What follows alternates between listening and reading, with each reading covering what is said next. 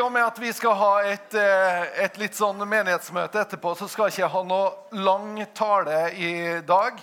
Eh, men jeg har lyst til å si litt om et eh, Jeg delte her når vi, når vi var samla før møtet, her, så sier jeg at jeg skal si litt om tilgivelse i dag. Og, og da sier Kjell Otto ja, det var jo veldig kristelig. og det er det faktisk. Det er et kjempeprinsipp som som ikke bare prinsipp, men en gave faktisk til oss som er så sentralt. Og når jeg forberedte meg på, på dette møtet, så bare tenker jeg hva vil du at jeg skal dele i dag? Og så er det på en måte tilgivelse.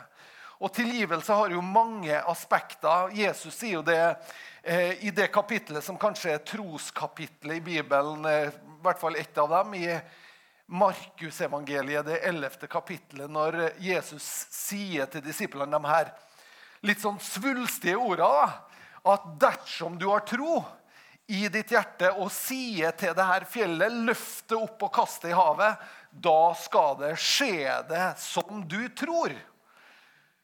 Og så fortsetter han. Men når du ber, hvis du kommer på at du har noe imot noen, så skal du først gå bort og forsone deg? Eller skal du først gå bort og tilgi din bror? Wow! Så her er det på en måte noe av det mest svulstige. det er på en måte her at Hva som helst kan skje. Ingenting er umulig. Men det er en liten ting som er viktig, og det er at det er åpne kanaler. At livet vår, at hjertet vår, at relasjonene våre er åpne. Og det vet vi på en måte som gode kristne prinsipper. Men når jeg tenkte på det her i dag, så tenkte jeg faktisk på det at mange ganger så er det sånn at eh, mange av våre relasjoner er helt i orden. Våre relasjoner er oppordna, og hvis de ikke er det, så trenger vi å gjøre noe med det. Men jeg har lyst til å snakke litt om din relasjon også til deg sjøl til ting du bærer med deg, der det faktisk er sånn at det kan være lett å tilgi andre mennesker, men vi kan ha vanskelig for å tilgi oss sjøl. Vi kan ha vanskelig for å på en måte si til oss sjøl at vet du noe, det er greit. Jeg tilgir meg sjøl òg, for vi trenger å gjøre det. Vi trenger å, ta opp det i vårt eget liv. som der vi... Jeg vet med meg sjøl at den som har skuffa meg mest i mitt eget liv, er faktisk jeg sjøl. Jeg har ikke opplevd, Mange andre har opplevd at andre mennesker har vært til store skuffelser. Men jeg må faktisk si at den som har skuffa meg sjøl mest, med alle mulighetene man har hatt, med alle åpningene og alle, alt på en måte det livet har gitt den, så skuffer man også seg sjøl. Og så det, kan det bli liggende egentlig litt sånn i bakhånda. Når jeg ber, så kjenner jeg at det er faktisk den jeg ikke helt klarer å tilgi det meg sjøl. Det ligger i min egen bønn, i mitt eget indre, så ligger det en sånn Oi! Det er noe her som gjør at jeg ikke frimodig forventer. Jeg ikke frimodig tenker at Gud, han hører min bønn. Når jeg ber til Gud, så er det bare Wow, det er åpent og sånn. Det fins en liten sånn disharmoni i mitt eget hjerte som gjør bare at åh, jeg klarer ikke å tro det, for jeg tror ikke sjøl at jeg er bra nok. Jeg tror ikke sjøl at jeg fortjener det, eller at det djupest sett kvalifiserer for det Gud ønsker kanskje å gjøre i livet mitt. Vi trenger faktisk å tilgi oss sjøl. Jeg har hørt historier om mennesker som, eh, som har blitt misbrukt seksuelt eller misbrukt på andre andre måter. Og vet du noe? Det, man kan nesten ikke forstå det, men det er faktisk noe av det største problemet de bærer på, er at de sjøl føler seg skyldig i det som skjedde. De føler at de bærer på skyld, de bærer på skam i forhold til det som skjedde. Sjøl om de var uskyldige, så er det på en måte noe i dem som tar det om på en måte en del av skylda. Ja, men du skulle ha gjort Ja, men du burde jo. Ja, men du kunne jo. Og så går man i et tankespinn der man kjenner seg sjøl skyldig i den saken det gjelder. Og Det er helt forferdelig, for det blir det som for, som gjør at man blir lamma i sånne situasjoner. Og Nå er det et voldsomt eksempel, kanskje, men jeg tror det er viktig av oss at på en måte, hva betyr Guds tilgivelse til oss. Hva betyr Guds tilgivelse? Hør her i Efeserbrevet i det første kapitlet. Skal, det, det, står mye bra, og mange ganger så drukner vi nesten i gode ord. Men jeg fant et vers i, i vers 7 i det første kapitlet. Så hør bare denne kraften som er i disse korte setningene. I ham, altså i Jesus, har vi frihet. I Jesus Kristus så har vi frihet. Det vil altså si at det spiller ingen rolle hva som har bundet med tidligere. Det spiller ingen rolle hva som har vært lenkene rundt mitt liv. Om det har vært lenka av fornedrelse, om det har vært lenka av avhengighet, om det har vært lenka som andre mennesker har bundet med i, så er det faktisk sånn at i Jesus har vi frihet. Fantastisk. I Jesus har vi frihet. I Jesus så har jeg frihet ifra min egen fortid, faktisk. Helt utrolig at evangeliet er nettopp så livsnært at det berører meg å si det. vet du noe, Erlend, jeg setter fri ifra din egen fortid. Min fortid ligger bak meg. Jeg kan ikke gjøre noe med henne. Jeg kan ikke spole tilbake. Jeg kan ikke gjøre om, men jeg kan ta imot frihet ifra henne. Jeg kan få lov å ta imot en frihet som sier at den binder meg ikke lenger. Jeg kan få lov å legge henne bak meg og si takk for at i det så har jeg frihet. Hvorfor har jeg det? Jo, kjøpt med hans blod. Det vil si, ingenting jeg sjøl har gjort meg fortjent til, men kjøpt med hans blod.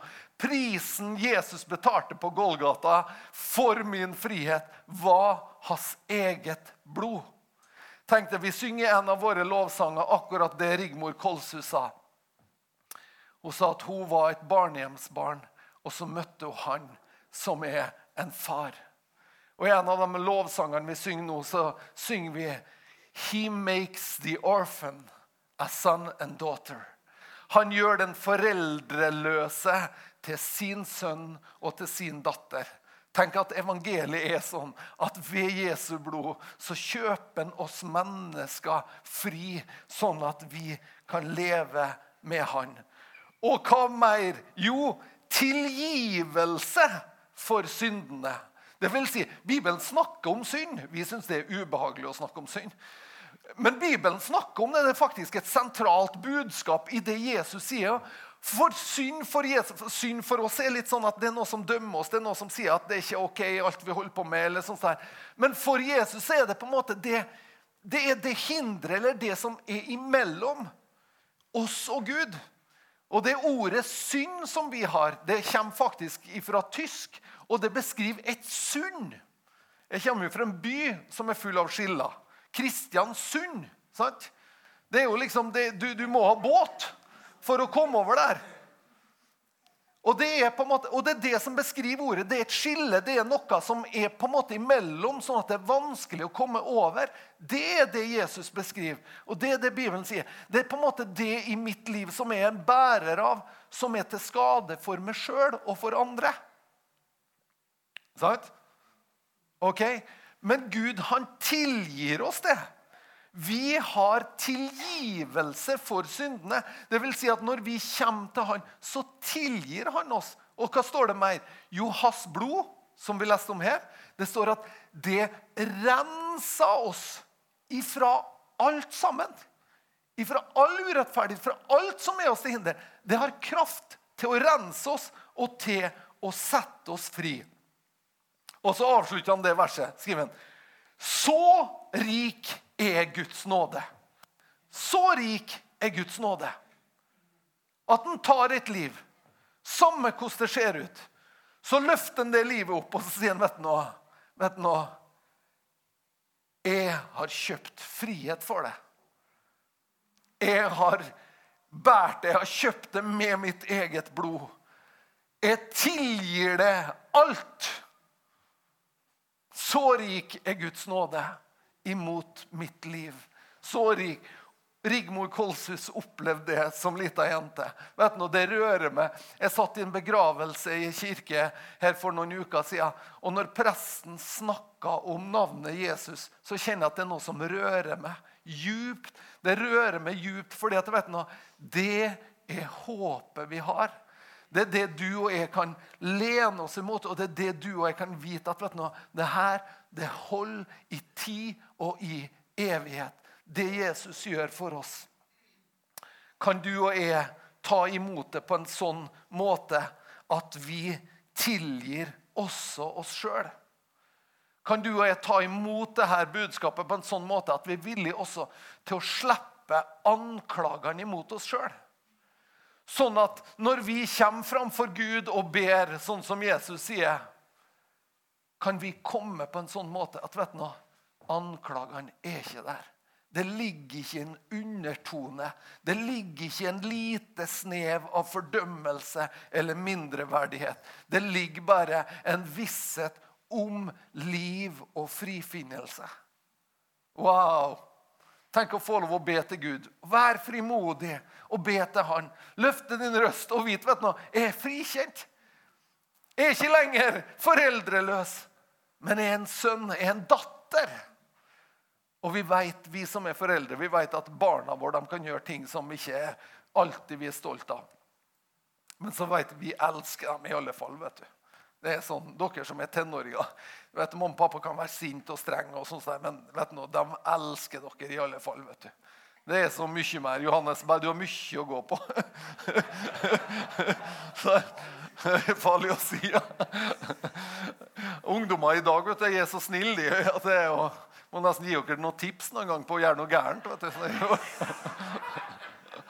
Ja, takk og lov. Takk og lov.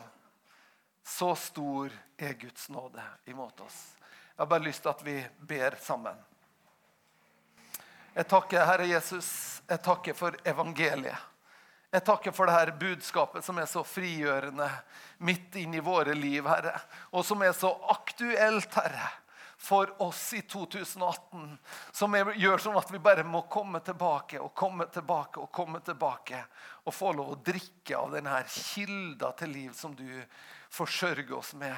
Frelsens kilde, Herre, der det er ufortjent, der det er på en måte ikke vi som har gjort noe. Det er du, Jesus, som har gjort det for oss. Og Jesus, jeg ønsker denne formiddagen nå. Ønsker bare at vi får lov å gjøre det her veldig personlig. At vi får lov å gjøre det her til en liten stund mellom det og oss. At vi får lov å si, 'Jesus, mener du virkelig at du tilgir meg?'